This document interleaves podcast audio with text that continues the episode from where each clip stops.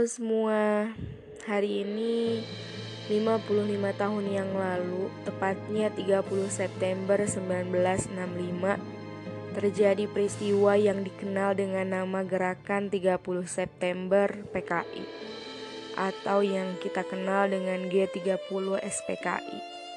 Gerakan tersebut merupakan bagian dari sejarah kelam bangsa Indonesia – Enam jenderal serta satu perwira TNI Angkatan Darat menjadi korban.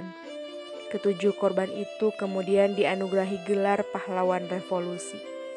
Mereka dibunuh lalu dimasukkan ke dalam sumur lubang buaya di Jakarta Timur. PKI Partai Komunis Indonesia menuding para perwira tersebut akan melakukan makar terhadap Presiden Soekarno melalui Dewan Jenderal para pahlawan revolusi itu dimakamkan bertepatan dengan hari ulang tahun Angkatan Bersenjata RI yang ke-20 pada saat itu, yaitu pada tanggal 5 Oktober 1965 di Taman Makam Pahlawan Kalibata, Jakarta.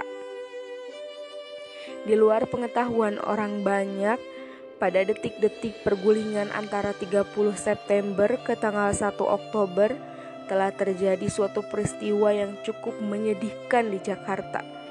Mereka yang menamakan dirinya Gerakan 30 September dengan cara paksa telah melakukan penculikan terhadap beberapa perwira tinggi Angkatan Darat. Upaya menculik Menko Hankam Kasab saat itu Jenderal Aha Nasution tidak berhasil, namun ajudannya Letu Pire Tendean harus menjadi korban. Kabinet Dwi Koro yang dibentuk Bung Karno dinyatakan demisioner oleh mereka. Selain itu, semua pangkat ketentaraan di atas letkol dinyatakan tidak ada lagi. Mereka beralih hendak menyelamatkan RI dari apa yang mereka sebut Dewan Jenderal.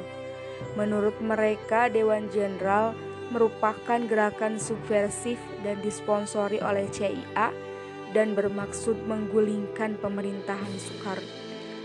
RRI yang dikuasai oleh mereka yang hanya bertahan kurang dari sehari karena sekitar jam 7 sore pasukan RPKAD mengambil alih RRI beberapa tertangkap namun ada juga yang kabur. Lalu pukul 9 malam tanggal 1 Oktober RRI Jakarta sudah mulai mengumandangkan lagi suara resmi pemerintahan RI Sepenuhnya ibu kota di tangan ABRI dan orang-orang dalam kelompok G30S menjadi korban. Setelah kejadian itu, pada tanggal 2 Oktober Jakarta memberlakukan jam malam mulai pukul 18 hingga 06.00 pagi bagi yang memiliki keperluan keluar rumah saat jam malam seperti dokter dan semacamnya bisa menggunakan obor besar sehingga terlihat tandanya dari jauh. Soekarno yang ditunggu-tunggu komentarnya terhadap peristiwa itu akhirnya mengeluarkan amanat Bung Karno pada tanggal 23 Oktober 1965. Dini hari pukul 01.30 tanggal 2 Oktober Presiden berbicara melalui RRI menyatakan bahwa Presiden tetap memegang tampuk kepemimpinan negara, pemerintahan, dan revolusi Selain itu, dia juga menyampaikan bahwa kondisi dirinya sehat walafiat.